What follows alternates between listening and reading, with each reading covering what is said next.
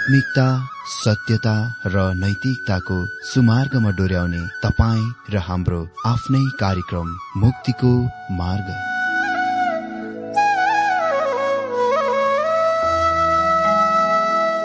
आदरणीय श्रोता यस मुक्तिको मार्ग कार्यक्रममा हार्दिक स्वागत छ। आशा छ यस आत्मिक कार्यक्रमद्वारा जीवनमा आत्मिक आशिष अलौकिक शान्ति र आनन्द प्राप्त गर्नुहुनेछ। र जीवनमा धन्य अनुभव गर्नुहुनेछ। आउनुहोस् श्रोता। मन र आत्माको तयारीको लागि यो मिठो अनि मधुर भजन गीत सुनौ।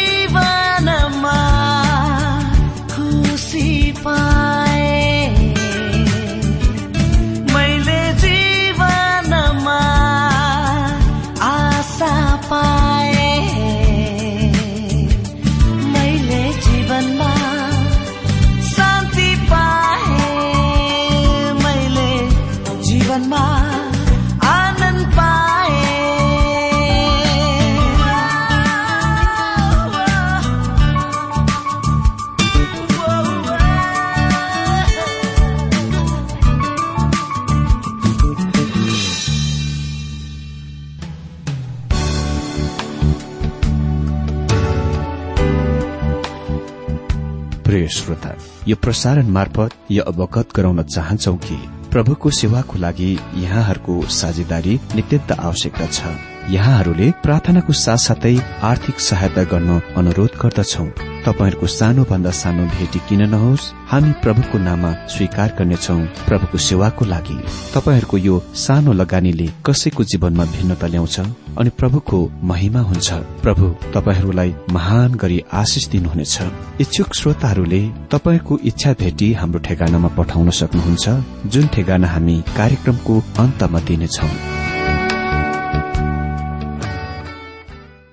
प्रिय श्रोता मित्र प्रभु येशु ख्रिष्टको मधुर अनि सामर्थ्यनामा मेरो जयमसी तथा हार्दिक स्वागत छ।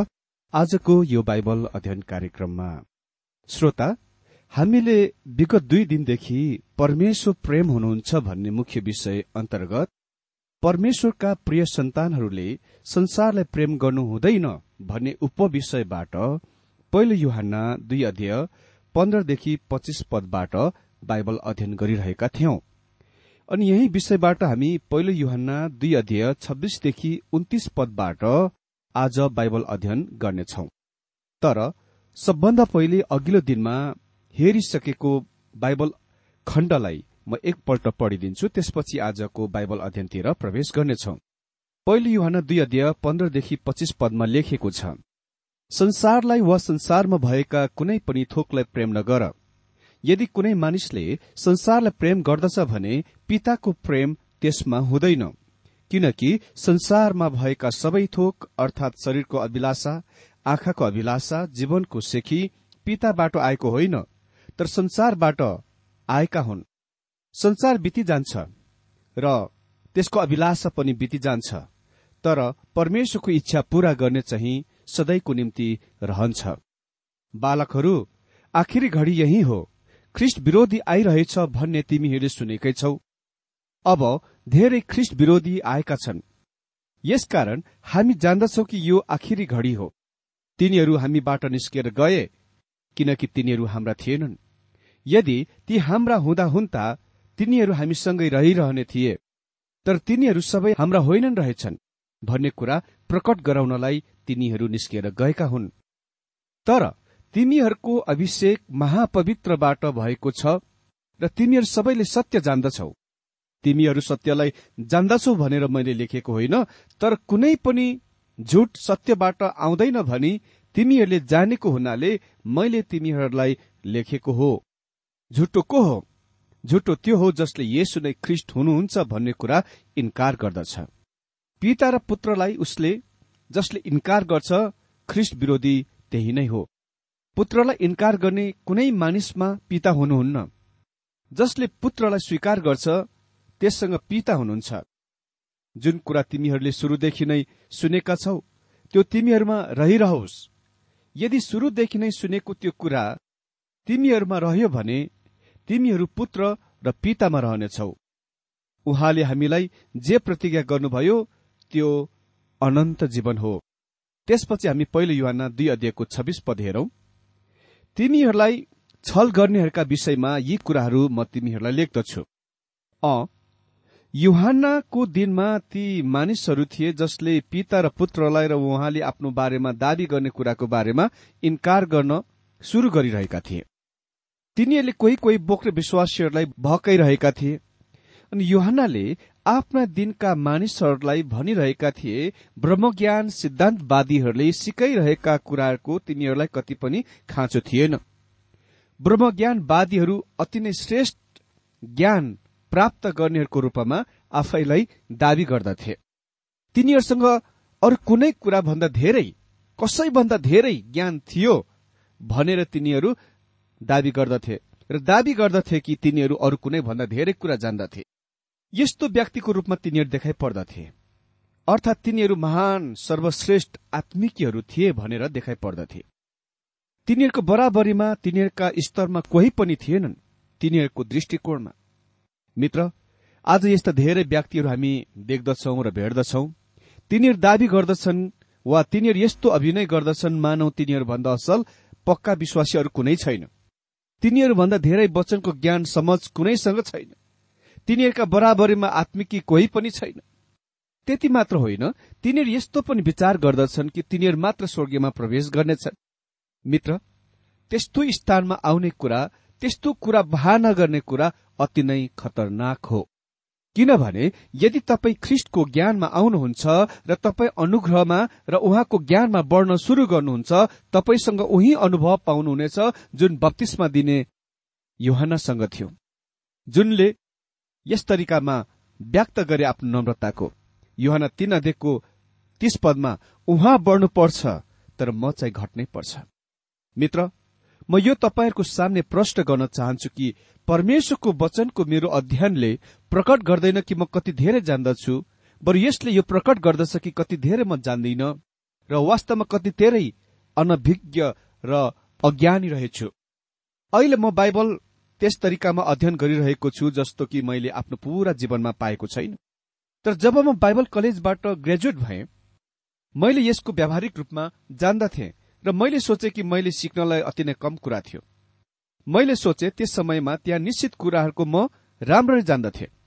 तर खुलम रूपले भन्दाखेरि स्पष्ट भावमा भन्नुपर्दा म यस कुराको पत्ता लगाउन थाहा गर्न आइरहेको छु कि म ती कुराहरूको कति पनि जान्दिनथे। मैले सोचेथे कि मैले राम्ररी जान्दथे तर मैले तिनीहरूको कति पनि जानेको रहेनछु। आज परमेश्वरको सन्तानको लागि ज्ञानको अति नै ठूलो वृहत क्षेत्र छ। अनि महत्वपूर्ण कुरा यो हो कि परमेश्वरको वचन हाम्रो व्यावहारिक जीवनमा लागू हुनु पर्दछ। र यही नै युहान भनिरहेका छन् म तिमीहरू अति नै महान श्रेष्ठ आत्मिकी बनेको चाहन्न। म चाहन्न कि तिमीहरू परमेश्वरको प्रतिज्ञामाथि आश्रित हौ। अहिले युहान तिनीहरूलाई भनिरहेका छन् तिमीहरू उहाँलाई आफ्नो उद्धारकर्ताको रूपमा जान्दछौ र त्यसलाई थामी राख। तर अहिले तिनीहरू उहाँसँग र पिता अन्य विश्वासीहरूसँग संगति पनि चाहनुपर्छ। संगति पनि राख्नुपर्छ। छब्बीस पदमा भनिएको छ तिमीहरूलाई छल गर्नेहरूका विषयमा यी कुराहरू म तिमीहरूलाई लेख्दछु। अनि सत्ताइस पदमा तिमीहरूले उहाँबाट पाएको अभिषेक तिमीहरूमा रहिरहन्छ र कसैले तिमीहरूलाई सिकाउने आवश्यकता पर्दैन। तर उहाँको अभिषेकले तिमीहरूलाई सबै कुराको विषयमा सिकाउँछ अनि त्यो अभिषेक सत्य छ। त्यो बनावटी होइन। यस अभिषेकले तिमीहरूलाई सिकाए बमोजिम ख्रिस्टमा रहिरह। अभिषेकको ग्रिक शब्द हो क्यारिस्मा अनि जब मैले ग्रिक क्लासिकल डिक्सनरी यसको अर्थ हेरे यसको मतलब दल्नु घस्नु रहेछ। मतलब तेल वा मसलाको लिएर दल्नु घस्नु। यसको अर्थ यो हो तपाईँ भिक्स वा कुनै औषधि मलम रातमा आफ्नो छातीमा दल्नुहुन्छ वा घस्नुहुन्छ तपाईँ आफैलाई अभिषेक गरिरहनु भएको छ वा तपाईँ यसलाई दली वा घसिरहनु भएको छ। यही नै केरिस्माको शाब्दिक अर्थ हो। केरिस्माको अर्थ हो दल्नु घस्नु। तर आज विश्वासीहरूको रूपमा हाम्रो लागि यसको अर्थ के हो त? पछाडि पुरानो नियममा परमेश्वरको आज्ञाद्वारा इसरायली पुजारीहरूलाई तेलले अभिषेक गरिन्दथे। त्यस अभिषेक शारीरिक तरिकामा एक सूचित गर्ने कुरा थियो कि तिनीहरूलाई निश्चित काम गर्नलाई पवित्र आत्माद्वारा शक्ति प्रदान गरिन्दथे। त्यही नै यहाँ आज हाम्रो लागि यसको मतलब हो। भनिएको छ जुन अभिषेक तिमीहरूले उहाँबाट पाएका छौ यसको अर्थ हो तपाईँ र मैले परमेश्वरको अभिषेक पाएका छौ। जब तपाईँ उद्धार पाउनुहुन्छ तपाईँको लागि परमेश्वरको आत्माले गर्ने एउटा काम हो उहाँले तपाईँलाई अभिषेक गर्नु। नि उहाँले तपाईँलाई अभिषेक गर्दछ। उहाँले तपाईँलाई ईश्वरीय सत्यको बुझ्न अभिषेक गर्नुहुन्छ जुनको तपाईँ पहिले वा अघि बुझ्न सक्नुहुन्न थियो भनिएको छ तर जुन अभिषेक तिमीहरूले उहाँबाट पाएका छौ त्यो तिमीहरूमा रहिरहन्छ र कुनै मानिसले तिमीहरूलाई सिकाउन खाँचो पर्ने छैन।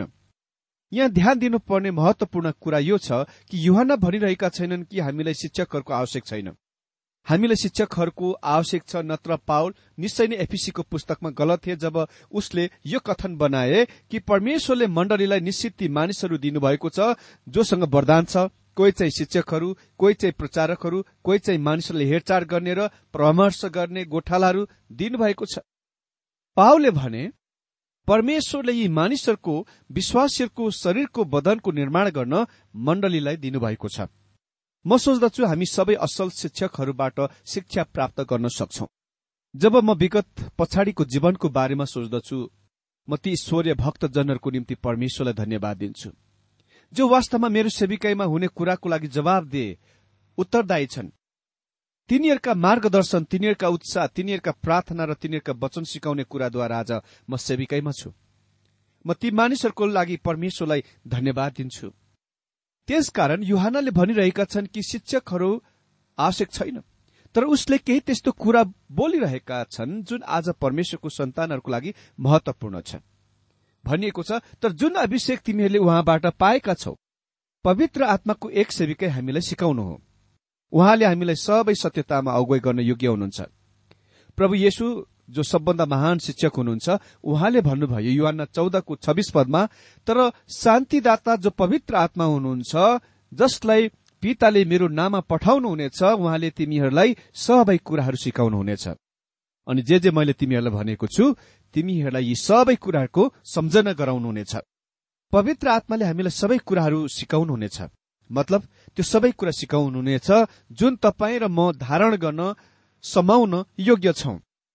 भनिएको छ तर जसरी यहाँ अभिषेकले तिमीहरूलाई सबै कुराको विषयमा सिकाउँछ र यो सत्य हो अनि झुटा होइन र जसरी यसले तिमीहरूलाई सिकाएको छ उसरी नै तिमीहरू उहाँमा रहिरहनेछौ। तपाईँलाई अभिषेक दिएको छ जुनद्वारा तपाईँ सधैँ सत्यताको बुझ्न सक्नुहुनेछ।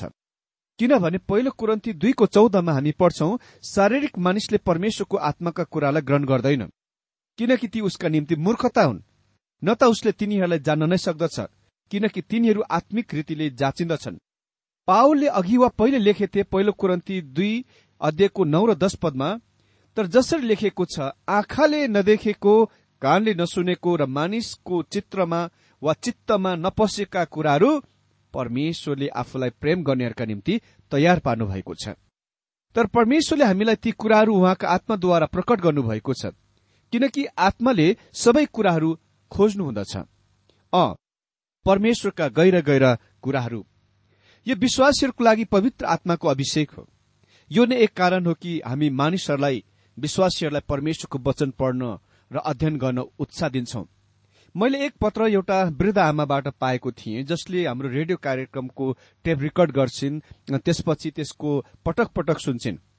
तिनले सिकाएको शास्त्रको अनुच्छेदहरूको पनि बार बार दोहोऱ्याउँदै पढ्छिन्। अचानक तिनको आँखा उग्रियो र तिनले नयाँ तरिकामा प्रभु येशुलाई देखिन्। के भएथ्यो? के घटेको छ त? तिनले अभिषेक पाइन्। म त्यस किसिमको अभिषेकको विश्वास गर्दछु। तर म धेरै ती मूर्ख व्यर्थ कुराहरूमा विश्वास गर्दिन जुन आज हामी भइरहेको देख्छौं जुन खालि भावनात्मक सम्बन्धको कुरा हो। जुनले तपाईँलाई परमेश्वरको वचन बुझ्न र परमेश्वरको वचनको प्रेम गर्न र प्रभु येशुलाई प्रेम गर्न ज्ञानयुक्त गर्दैन। यहाँ खास सम्पूर्ण विषय वस्तु यो हो कि त्यहाँ त्यो दिन आउनेछ हामी परमेश्वरको वचन दिने मौका पाउने छैनौ। र पत्रुसले पहिलो पत्रुस तीन अध्ययको पन्ध्र पदमा भन्छन् अनि तिमीहरूभित्र भएको आशाको विषयमा तिमीहरूलाई सोध्ने हरेक मानिसलाई नम्रता र डरसित जवाब दिनको निम्ति सधैँ तयार हो हामी त्यो गर्न योग्य हुनुपर्छ। तर त्यहाँ यसमा सधैँ खतरा हुन्छ जुनको म अति नै होसियार साथ अंकित गर्न चाहन्छु। म ती मानिसहरूलाई जान्दछु जो बाइबल अध्ययनमा सालौंदेखि भाग लिइरहेका छन् तर तिनीहरूको आत्मिक अवस्था कति पनि विकास भएको छैन जस्तोको त्यस्तै छ। तिनीहरू ती मानिसहरू जसले बाइबल शिक्षा वा अध्ययनलाई अनादरमा ल्याउँदछन्।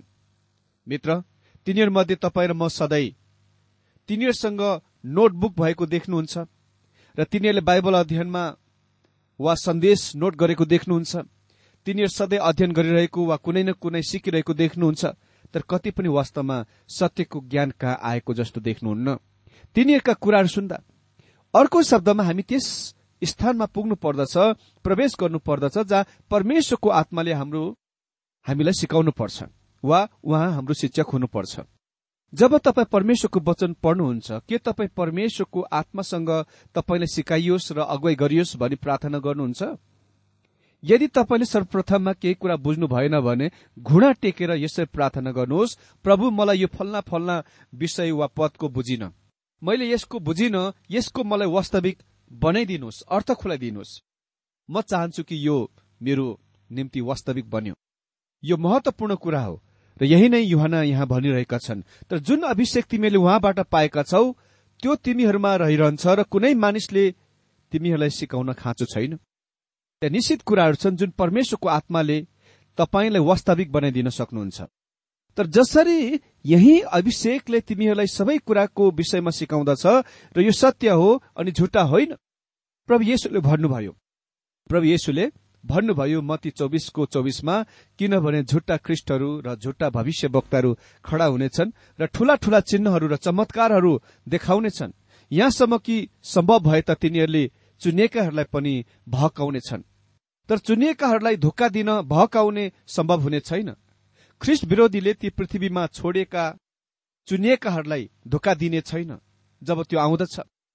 अनि आज ख्रिस्ट विरोधीले तिनीहरूलाई धोका दिने छैन। म एक परिवारलाई जान्दछु जो नयाँ विश्वासीहरू थिए। तर तिनीहरू झुट्टा शिक्षाको मण्डलीमा झुट्टा शिक्षकहरूद्वारा लगिए। तर पछिबाट तिनीहरूले वास्तविकताको थाहा पाए।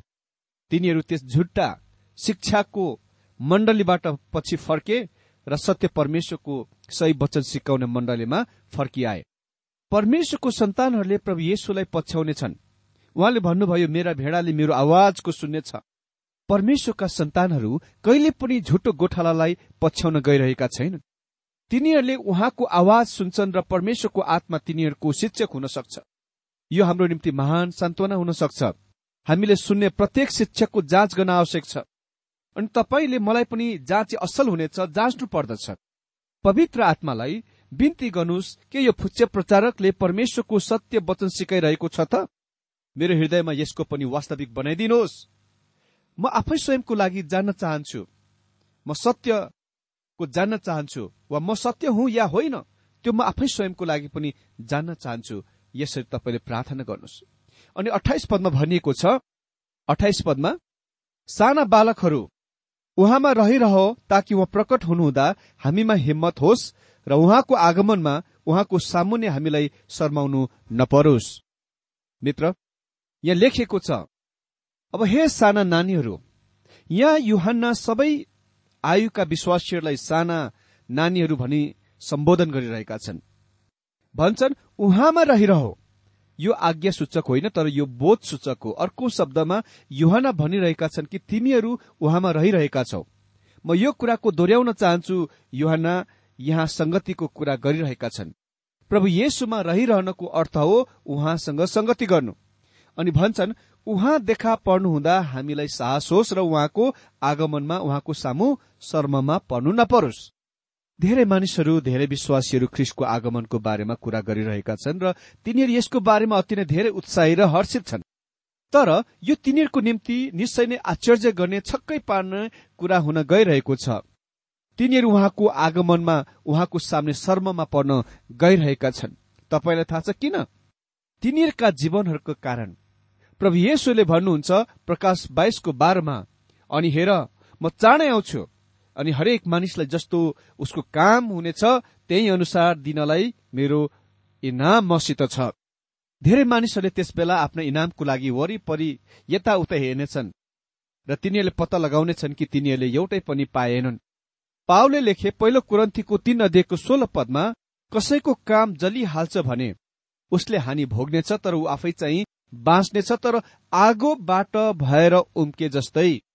त्यस्तो जीवन पाउने कुरा त्यस्तो जीवन हुने कुरा महत्वपूर्ण छ जुनले सुसमाचारको सिफारिस गर्दछ। मित्र प्रत्येक विश्वासी एक दिन आफ्ना आफ्ना कामहरूको लेखा दिन ख्रिस्टको उपस्थितिमा उभिन गइरहेका छन्। प्रत्येक विश्वासी ख्रिस्टको न्याय आसनको सामने खड़ा हुनेछन्।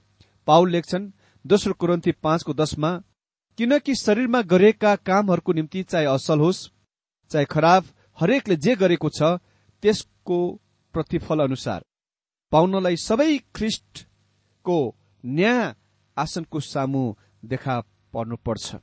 मित्र यहाँ पृथ्वीमा तिनीहरूका जीवन यापनको कारण धेरै विश्वासीहरूको निम्ति स्वर्गीय यात्रा र पृथ्वीबाट स्वर्गीयमा उठाइ लगिने कुरा कति पनि उत्साही हर्ष आनन्दको क्षण हुने छैन। अनि उन्तिस पदमा लेखेको छ उहाँ धार्मिक हुनुहुन्छ भन्ने कुरा यदि तिमीले जान्यो भने यो कुरा तिमीहरूलाई निश्चय होस् कि धार्मिक काम गर्ने हरेक परमेश्वरबाट जन्मेको हुन्छ। यो अन्तिममा प्रमाण हो कि कुनै मानिस परमेश्वरको सन्तान हो भन्ने। परमेश्वरको वचन खास जाँच हो। भावमा युहान भनिरहेका छन् परमेश्वरका सन्तानहरू पिता जस्तै हुन्छन्। तिनीहरू पिताले जस्तै धार्मिक काम गर्दछन्। यदि कसैले धार्मिक काम गर्दैन जो सही कुरा गर्दैन भने त्यो परमेश्वरको सन्तान होइन। बिल्कुल आसन कुरा छ छुट्याउनलाई। परमेश्वरले आजको यो बाइबल अध्ययनद्वारा हरेकलाई धेरै धेरै आशिष दिनुभएको होस्।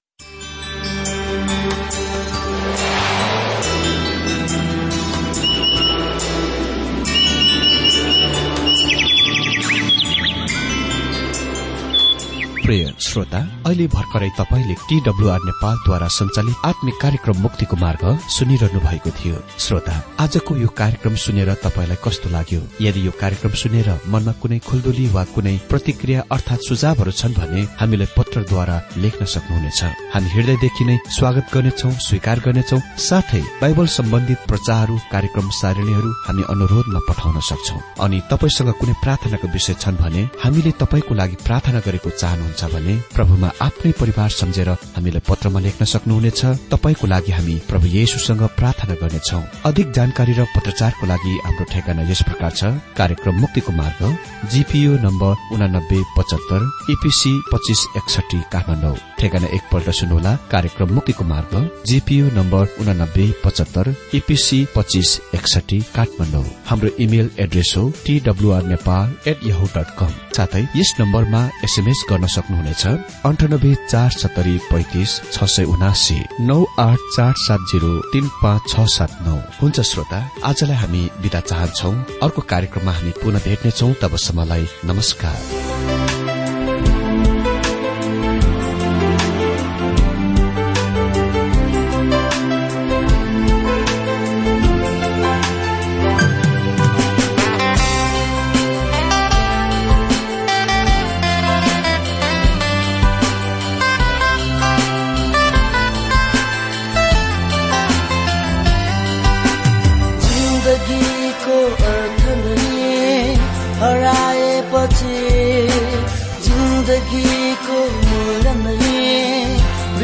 बिर्सेपछि बुझ्नै नसकिने मेरो जिन्दगी धुनै नसकिने मेरो जिन्दगी हो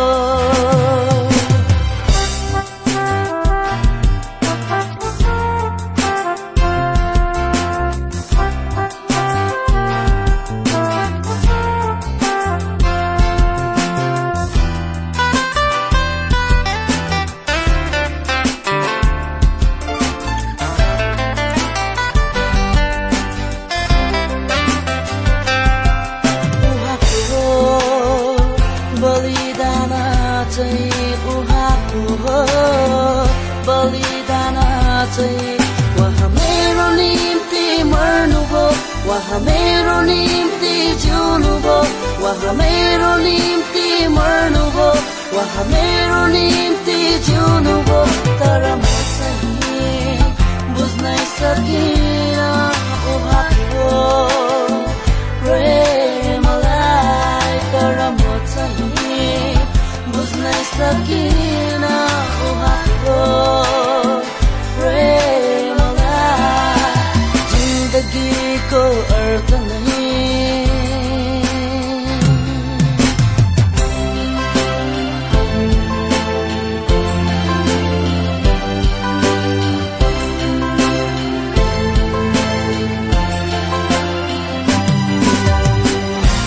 जस्तो तिम्रो जिन्दगी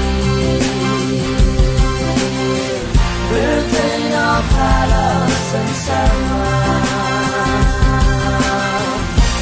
जस्तो तिम्रो जिन्दगी।